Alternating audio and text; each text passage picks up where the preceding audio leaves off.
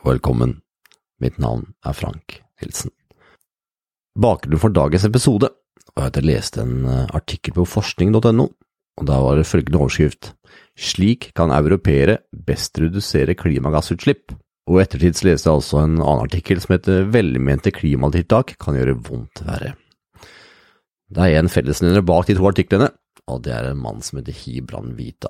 Han kom fra Mexico og har nylig tatt sin ph.d. i eh, Trondheim, hvis jeg husker riktig. Det håper jeg gjør, ellers får jeg unnskylde. han har mange tanker om det med miljø, han har jo virkelig bevist det i artiklene som er skrevet rundt det de har jobbet med, og vi snakka det med CO2-utslipp mot menneskelige behov. Det syns jeg var veldig interessant, hvordan jeg har tatt en connection der. Hvordan det med å kjøpe tøy sjeldnere gir lite gevinst i forhold til med CO2-avtrykk. Vi har snakket om det med mikroplast, hvordan har det vært med en studie i forhold til det her? Han har mange tanker om det med miljø, samfunnsutfordringer med mye mer. Så jeg syns eh, dagens samtale med Hibran Vita var utrolig interessant, og jeg håper du finner like interessant som det jeg gjorde. Og denne episoden er produsert og gitt ut med støtte fra Sparebank1 Østlandet. Så for deg som hører på, så må jeg bare si tusen takk, og ha en god lytteropplevelse. I want to welcome uh, you to the to the show. And uh, the reason that I contacted you was uh, because an article I read on uh, forskning.no, and uh, that heading was Vi kan være like glade og med et mye lavere CO2-utslipp. Uh, what was the reason for that uh, headline, Gibran? that was a decision from the journalist Nancy Bazilchuk. Uh, Canadian based in, in Norway. Okay. Uh, she concluded that was the main uh, message from my scientific article. Even though the title of the article is just, uh, you know, very scientific, objective, is just connecting fundamental human needs to global carbon emissions. Yeah. Uh, so, but she read it and she thought that was the, the message. So, uh, what are you working in, in what area are you working and what was the reason for that article? Well, that was uh, basically the only article I was able to do on my own with, without any project or agenda. Uh, so that I'm uh, I'm working like broadly in, in the area called industrial ecology. Okay. That that's where the methods come from. Uh, but this article or my kind of research is not strictly just within industrial ecology because I um, tend to combine from other disciplines, from psychology, from health studies, and uh, a, bit, a, bit more anthropological perspective. Okay. But the good thing about industrial ecology tools and methods is that they enable us for the first time to look at the whole life cycle of products and all the envir- environmental impacts hmm. that are embodied in everything that we consume. Interesting. And this was missing for many years in, in the whole sustainability and systems thinking. You know, we, we knew that we had to do that, but we didn't have the computational and like uh, data capacity to do that. And right now is when the time is ripe to start doing this kind of analysis. What do you find interesting about it? About the field or about the analysis? Uh, about the field that you're working in. Um, well, precisely the you know the complexity of the social issues today. It's getting more and more intricate because of globalization. Mm. Because you know it's very even as a citizen it's very confusing to be a good citizen first you think like uh, you you read a scientific article that tells you like something is uh, environmentally sound or for example, 10 years ago, butter was uh, good and then it's bad and then it's good again, you know, butter and margarine, you know. so, so this talks about the complexity of things and industrial, industrial ecology efforts are precisely to bring methods mm. to see beyond the apparent, to see beyond our common cause effect observations. It enables us to actually think in systems a bit further because it connects all the you know production places with uh, consumption places and everything that is in between with all the resources that it needs so it becomes quite complicated but this is the reality um, of the issues you know it's a complex world I want to uh, back to the article about uh, vi kan være like glade og sunne med et mye lavere CO2-utslipp. og what was uh, what were you thinking, and what was the main goal for writing that article? Uh, well, I was mostly uh, curious myself about these trends. Uh, we we, we know. I mean, we, since many years we have uh, many scientific articles that point to the fact that there's like a leveling off uh, of impact or energy consumption or income with uh, different indicators of happiness or, or um, you know human development. But I, t- I read this um, the theory from Max Neef, uh, who just uh, Manfred Max Neef, a Chilean economist who just passed away actually one week ago. Okay. At uh, 90 years old, and uh, the, this um, this person basically enlightened me so much with his uh, theory of fundamental human needs.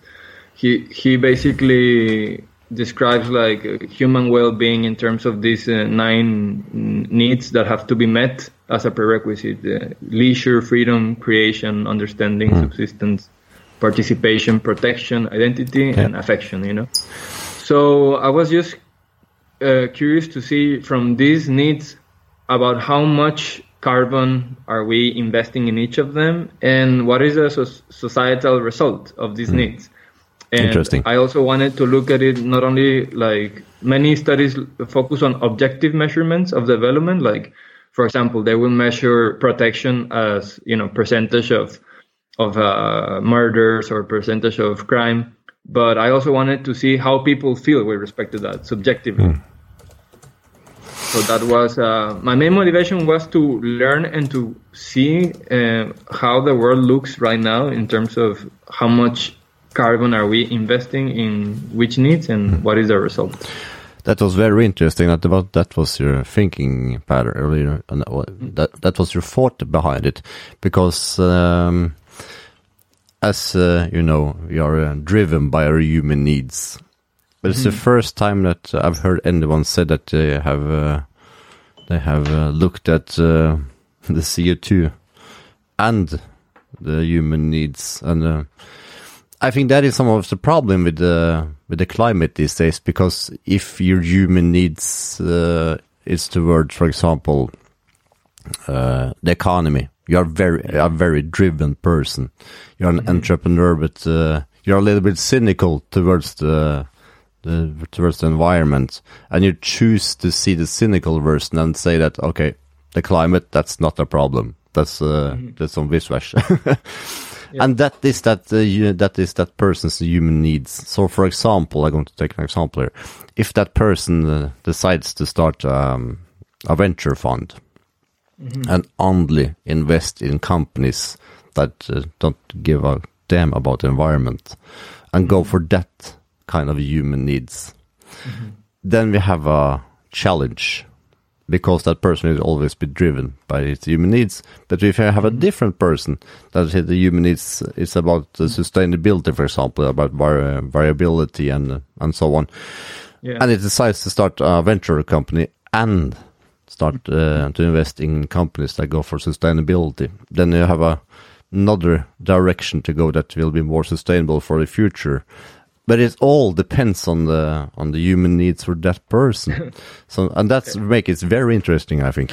Exactly, Frank. Thank you so much for getting my point. Exactly, that's what I want to uh, uh, invite everyone to start thinking about. You know, companies and governments. Like, we know which goods are we producing, which services, and we have a lot of evidence to know which of them are really satisfying needs with low CO2 and low impact, and we already know which ones are actually making satisfaction harder and and wasting CO2 and wasting energy, you know, and that is exactly what empowered me so much, uh, you know, uh, partly to Max Neef, but also to my own like uh, you know, unsatisfaction with the current state of affairs. And I, I believe it's a very empowering framework. I should, I, I wish like everyone is exposed to it, you know, since high school or whenever. So you can think even for your own life, you know, what are you doing in terms of your needs? You know, it's a, it's a very empowering. And I think it's uh, it can be changed if you change the perspective. So if you're a cynical person and you change perspective that you can still make money in that kind of environment, it's it's possible That uh, you can change the direction, but your your human needs will always be the same. Exactly, that is a powerful um, aspect of this framework as well. Uh, so uh, uh, another another interesting thing is that uh, even if you don't believe in climate change, for example, mm. if you're a climate denier, the interesting thing is that the solutions that you have to implement for uh, for climate change mm. are normally also solving uh, issues of human conditions. Yeah, you know, like sure. making cities more livable. Mm. for example, making energy decentralized and more affordable people being healthier. You know, basically, a health, healthier people means a healthier planet. So even if you don't care about climate change at mm. all, the kind of solutions that need to be implemented, if you're honest ab- about them, mm. will al- also be in the direction of satisfying, truly satisfying human needs, and not just uh, false satisfying. You know. You also uh, have uh, written or been behind an article on Gemini.no Det er uh, forskningsnytt fra NTNU og Sintef, som headlines and the headline is 'Velmente klimatiltak kan gjøre vondt verre'. Uh, what was -hmm. the reason for that one? That was actually part of a research project called uh, Glamours, which stands for Green Lifestyles of Scaling uh, Sustainability, Regional Sustainability and Alternative Models. And that research was uh, basically consisted on going around several European countries and speaking to stakeholders, to normal citizens and front runners and sustainability entrepreneurs and also policymakers, you know, all kinds of people and scientists as well. And we collected their visions of the future. We collected their what do they envision like as as lifestyle changes you mm. know? And they start to list different ways of eating different ways of housing different ways of moving of servicing each other. And the point of, of, of this article was to make a, a economy wide scenario assessment of what will happen if these visions become true. Mm in order to guide them you know basically the the ultimate point purpose is to guide their efforts to the most efficient and also to be careful because sometimes we want to do something for example as entrepreneurs or as activists we are very committed to our cause hmm. but uh, we believe that well i believe that is more uh, is just to enrich the cause to to be able to guide you like what is uh, the most potential and what are potential risks mm. uh, of shifting problems from carbon to other resources like land, water, or toxicity. You know, and yeah, again, this is a thing that is enabled through industrial ecology tools in this case. What did you discover when you would look at, uh, for example, clothes and uh, repairing the electrical and so on? What did you discover?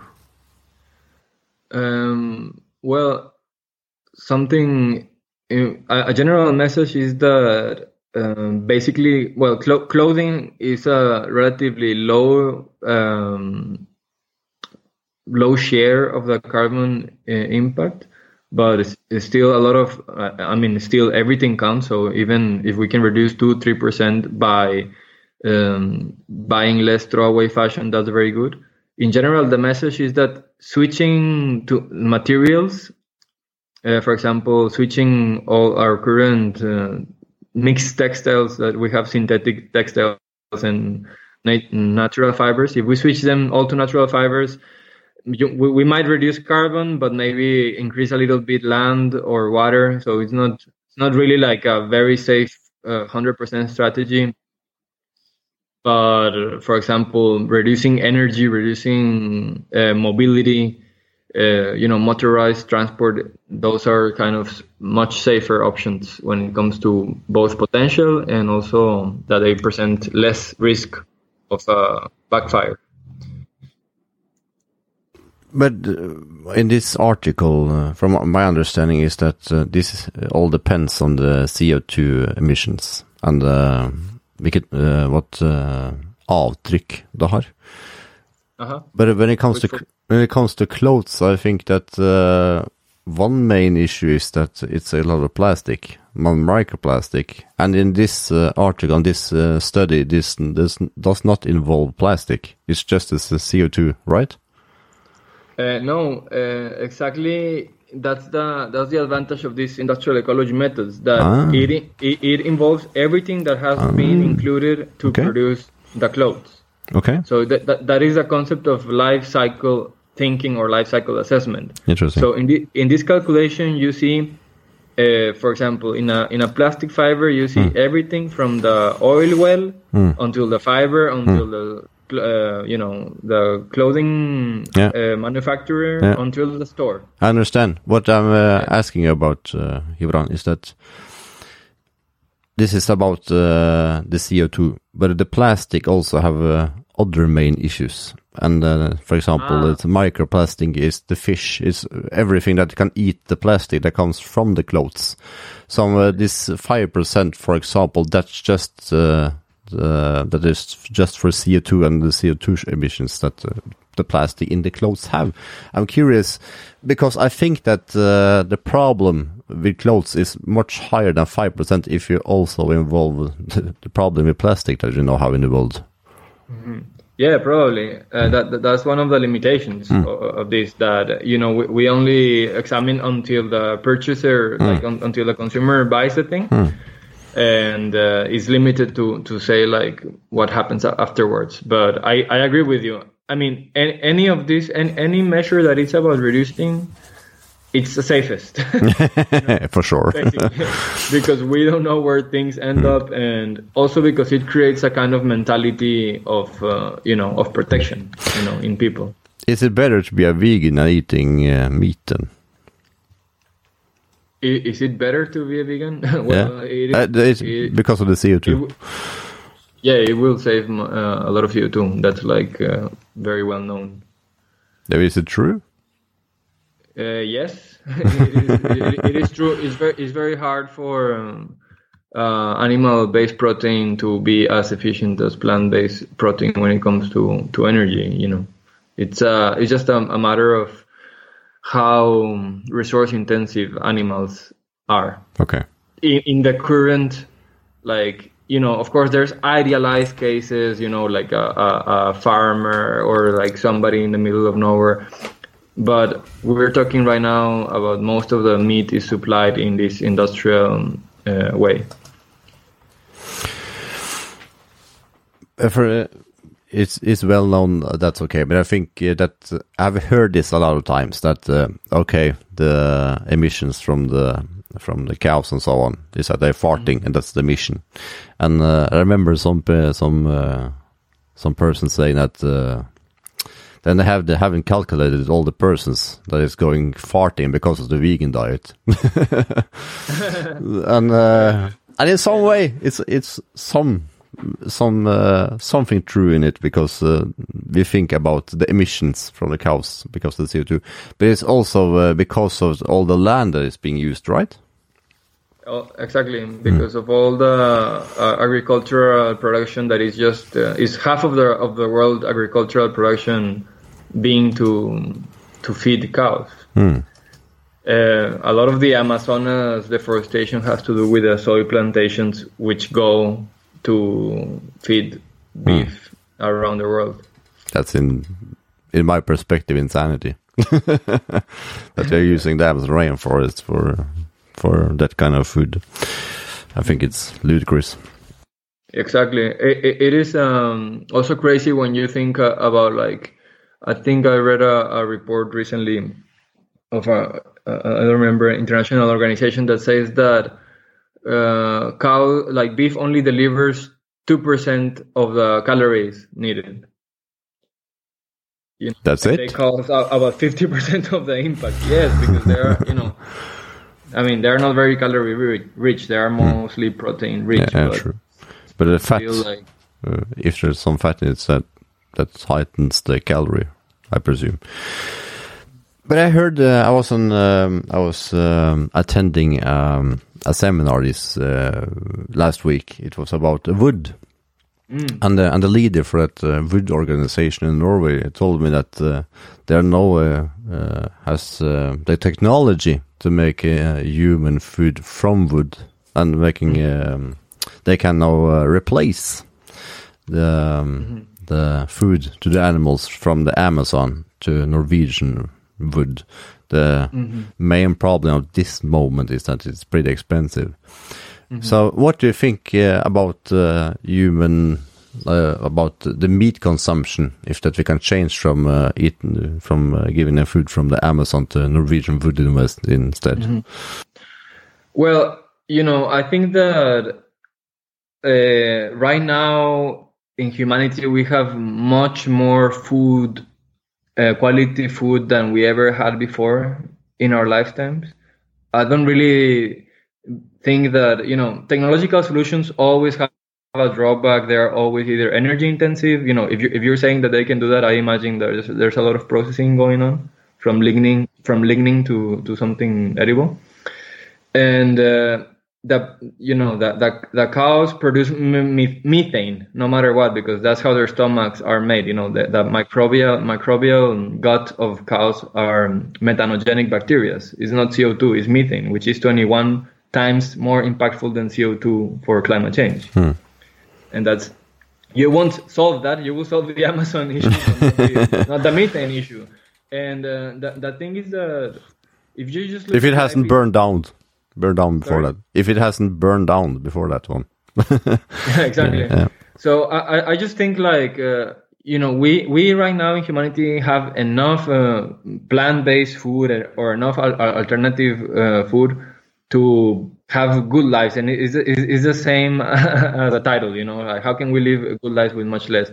And I also think like you know why why do we eat meat? It's a cultural thing. It's like somebody taught us to do that, and we just do it. You know, same as if the next generation teaches, uh, you know, is taught not to, they will just not do it, and and we will just be rid out of a huge um, percentage of the CO2 emissions that that won't be fixed by by the energy transition. You know, the the energy system will take care of a lot of the emissions, but there's still a quite substantial um, wedge that has to do with how we eat and other lifestyle decisions.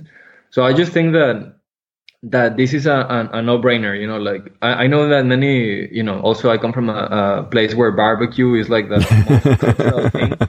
But uh, cul- culture culture changes and it has to to change you know we we need to understand what is climate change trying to tell us you know. It's, it's not only about the it's not only about the climate it's also about ourselves you know. If if we see that there's uh, today more people with obesity and coronary diseases than undernourished people that That's sugar. must mean something. And yeah from sugar but also from red meat you know?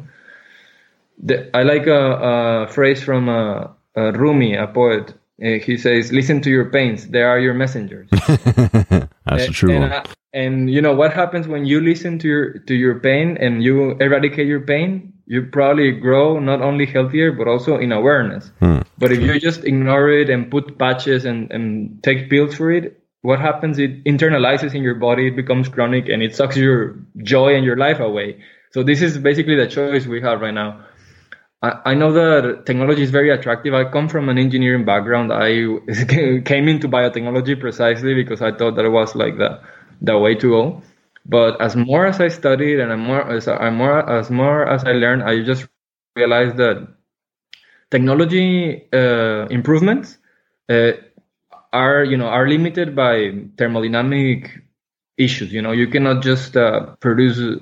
You know, there's just limits to how much efficiency you can reach and it can never catch up with the drive of increasing consumption and increasing wealth. You know, there's a, a, lot of analysis in the past uh, 30 years about how technology can contribute to mitigate uh, impact and how affluence or richness is, is driving it. And it's just overwhelming how, how, how much, you know, how little technology can really speed up uh, to catch up with uh, increasing wealth and consumption, you know. There's something I'm curious about when you're talking about the CO2, uh, Gibran.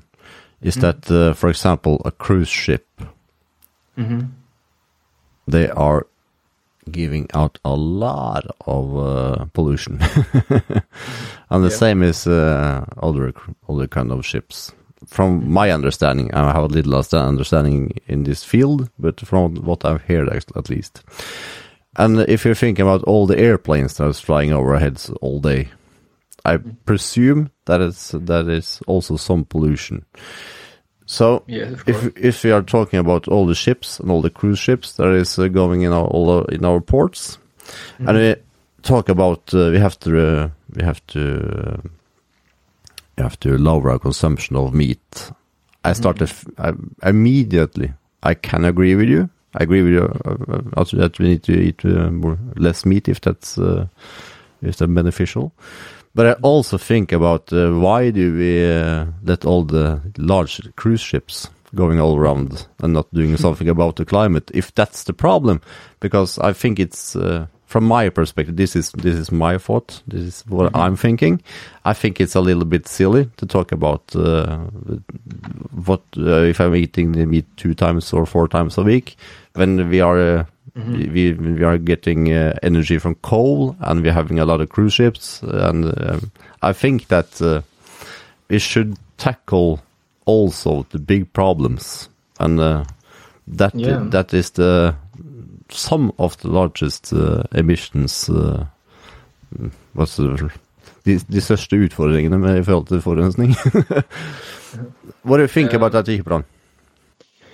Mm, well, it is it is true. Like everything that is uh, causing impact and that is like superficial should be tackled first.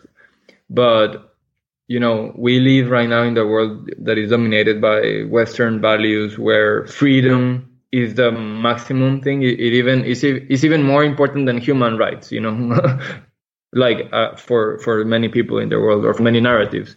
So uh, sometimes my friends ask me about this this thing, you know, my non-climate researcher friends, and I'm just I just want to to say like we we sometimes uh, do this what is called consumer scapegoatism, which means just put it on the people and just like blame it on the pe- on the people, and people have to change.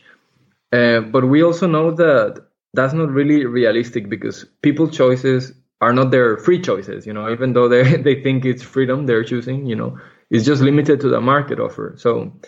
I think we just need to uh, stop this like comp- blaming companies, blaming governments, blaming people, and understand that this is the result of an inertia that we all created, you know, social practices and industrial practices, and to recognize that we created a monster that we cannot stop, you know. Um, so, for example, you can there, there there's a I I have a policy for myself which is like I do everything I can not to fly short short flights, you know. But my employer has to understand that I will need one more day or two more days, you know, to get where I need to, you know. And this is and this is a, a kind of movement that really, uh, as I say, as Rumi says, listen to your pains. What what are they trying to tell us? Maybe that we need to slow down. You know, it's not. You know, we talked three weeks ago about this interview, and we only managed to do it now, which means like we both are extremely busy. You know, is this and you have been you know going around i don't know me i also have been uh, going to other cities in europe. So this rhythm of life uh, you know is it is it reasonable? Is it necessary? And is it like even justify, justifiable right now? Uh, so when it comes to choosing what what what can you do for the environment? Of course a lot of like you know the the emissions from food are significantly a lot like 25 30% so that's why me, that's why people focus on that because it seems to many easier to reduce that than to reduce uh, other like you know necessary transport or so on. But what i say to people when they are uh, discussing about this i'm just say like just do what you you know forget about all this shaming thing that, that is being said. Just do what it, what you think you can you know give up or you know experiment you know just make experiments with yourself. Don't be afraid of experimenting. What happens if you take a whole month off? What happens if you stop eating meat or you eat it two times a week? What happens if you basically decide to sell your car?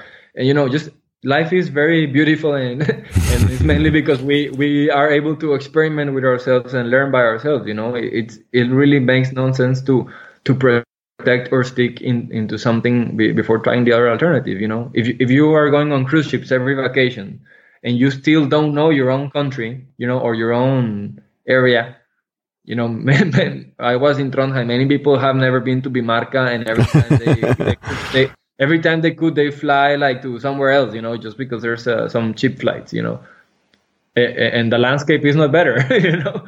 It's just, you know, it, it's about uh, just uh, re- reassessing what do we want from life, and I think there's a lot of uh, movement towards that, towards rewilding and keeping it local and.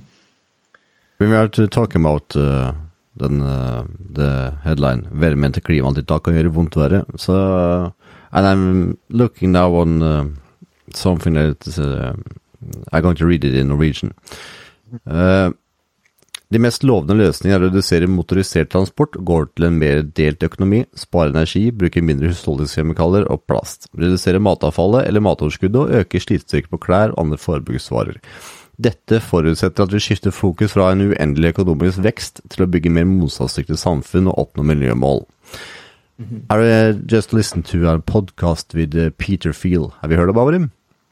Mm, sounds familiar. Is that one from altruism? Uh, yeah, that uh, I don't, I do not know about altruism, but uh, Peter Feel is uh, the guy that uh, started PayPal with Elon Musk.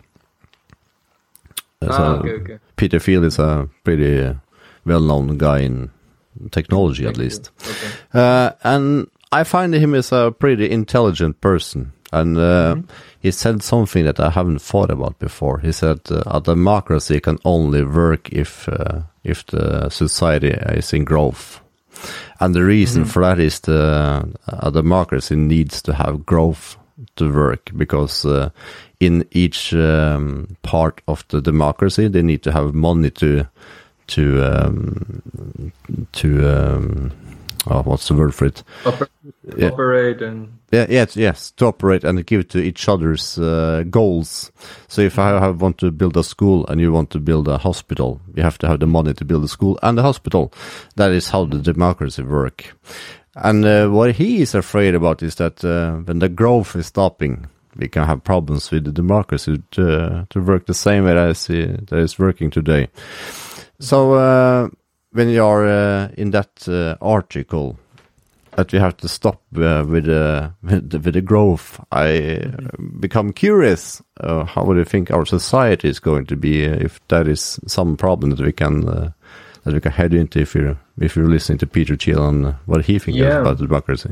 Yeah, no, and you know many people who who propose the degrowth kind of agenda are very aware of potential consequences that can happen and have proposed many solutions to precisely deal with the potential unwanted effects of, of this. But you know, it's, it's not like maybe just for the listeners, so, some some takeaways from the last 30 years of empirical research. One fact is that more economic growth is more environmental impact.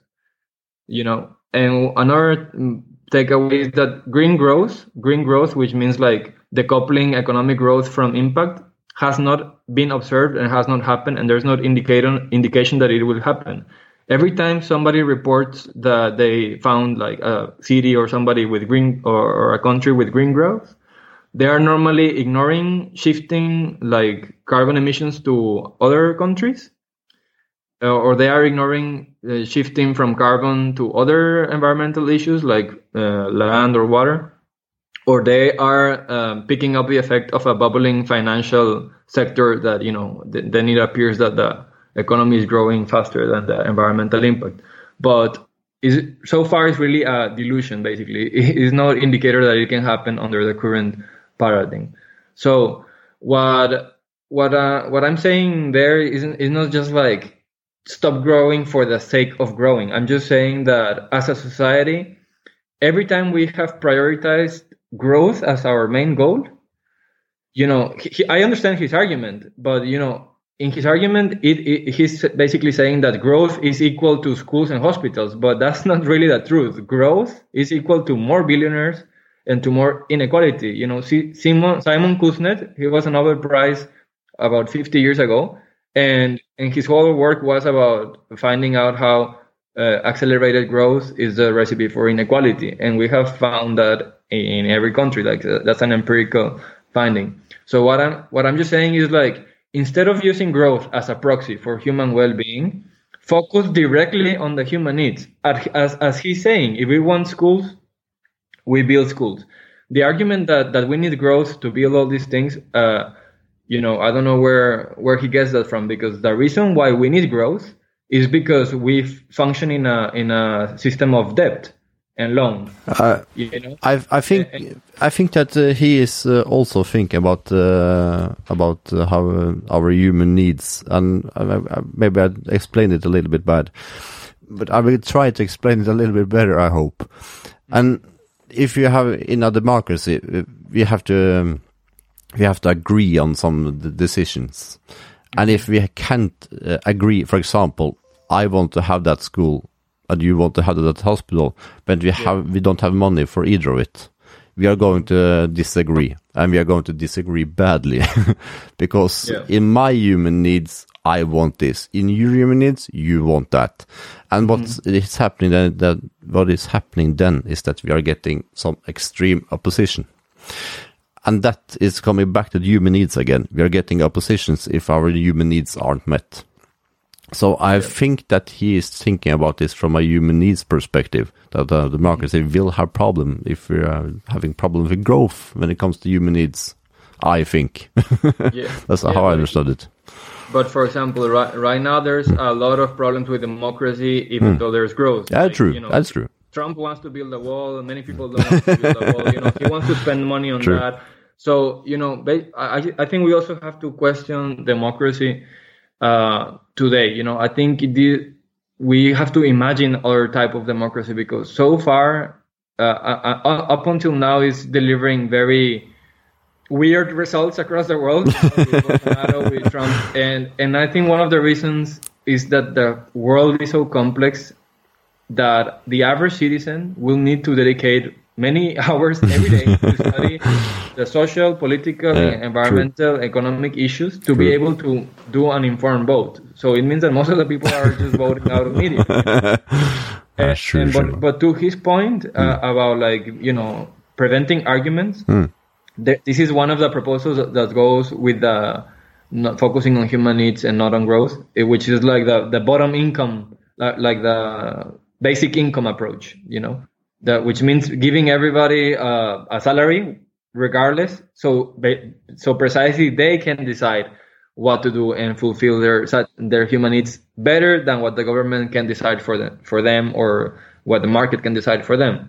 And and you know this has uh, held many good results also in very poor villages in Africa and uh, and in India where these experiments have been made that especially women tend to innovate a lot and you know once the the basic worries are, are, are done they tend to actually be very good at satisfying their own needs you know? Instead of somebody coming from europe to install like a certain biogas plant that will work if you go and do your you know your your um, necessities there you know and then nobody uses it. This has happened to me and this has happened to to many you know hero hero complex people who go and install technologies and install things in, in other places instead of just trusting people to to be able to satisfy their own needs by themselves you know what we didn't yeah. say in the, in the in the beginning of the conversation Gibran is that uh, you're from Mexico so um, yes, exactly. you have a bit uh, you have another maybe another understanding and another another experience that uh, mm. our Norwegians have. So uh, I wanted to end this conversation on uh, a little bit of that topic. What did you what do you think and mean when you say the the hero complex? well, you know that that's very interesting because precisely the the Mexican history has to do with uh, being once in the past a very high, highly developed nation or highly developed region, you know, in I mean in indigenous times, with a lot of uh, knowledge of plants and agricultural systems and so on. And uh, it all started, you know, with with colonies all around the world, uh, with bringing this agenda of development. You know, before indigenous towns really didn't have the goal of development. You know, their goal was to honor ancestors, to honor nature, you know, to live a lifestyle that is righteous. And suddenly this idea like development is has to be the, the main goal of all societies. I think this was a story from you know Western colonies to basically be able to exploit indigenous labor and indigenous resources, and this is actually what came out of control. You know, right, right, right now everything, right now now is development for development's sake. You know, without with disregard the the the issues of uh, human needs. So I think from my perspective, I always noticed, uh, you know, I always seen Western, even even educational systems a bit of uh, arrogant because, uh, for example, I've seen scientists coming to Mexico and saying like the this shaman is superstitious or primitive because. Uh, or, or, you know because he picks up this plant in moonlight or in the night and then many years later science demonstrates that ah, actually it made sense to pick this plant in the night because they express more of a certain chemical, you know, that is needed for healing, you know. And the same happened with uh, thousands or thousands of books that were burned, not only you know not only in Mexico but uh, also in, in many other in many other places. And people from the Amazonas have said uh, hundreds of years ago they have believed that everything, all, the jungle is connected through the roots and it talks through roots. And it was believed to be superstitious or some primitive belief. And right now, some years ago, there was a you know journal journal publications rediscovering I, I, mean with quotations here right? Like discovering again what uh, was said by by by our ancestors. So i think that's, uh, that has been my, my experience that the that i mean right now i'm more like a of course like a westerner i have been raised like that and my conclusion from all this is that I need to be much more humble and stop the hero, the hero complex and be more of service. You know, like be in a service position, not in a I'm gonna save the world. Also, develop uh, like highly rich nations have to understand that like that 80% of the impact is because of the emissions in these nations that are trying to play the, the hero role instead of instead of listening and being of service and just basically supporting all these uh, poorest nations and being honest, you know, for the fir- for the first time in history. I think Western civilization owes that to history. You know, we have been creating all these stories about development and about about this just to to get away with with the wealth that, that we have in the Western world right now. And this is this is precisely not sustainable. You know, honesty is the the, the first thing. Uh, uh one thing I think a, a, lot about when, when I came here and saw how individualistic, uh, you know, pe- people are, which is which is okay. You know, it's, a, it's another way of being. But basically, the, the main narrative here is that be the hero of your own life and pursue and pursue your dreams. But one thing I know for sure is that no revolution has ever occurred by everybody doing what they want. Mm-hmm. Revolutions happen when everybody is, uh, you know, giving up their own will to the common good and you know acting as one and that is a very important thing that I think is not discussed enough with the climate thing. You know, um, we we also we cannot leave it up, as I say, we cannot leave it up to people entirely, but it has to be a complete redesign of how we see the world, and you know, understand the limits of technology, understand that we are trapped in the own monster that we have created. So we need to really first be aware of that. Be honest with that. I found this very interesting, Gibran, and uh, thank you for uh, taking this conversation in different kind of directions.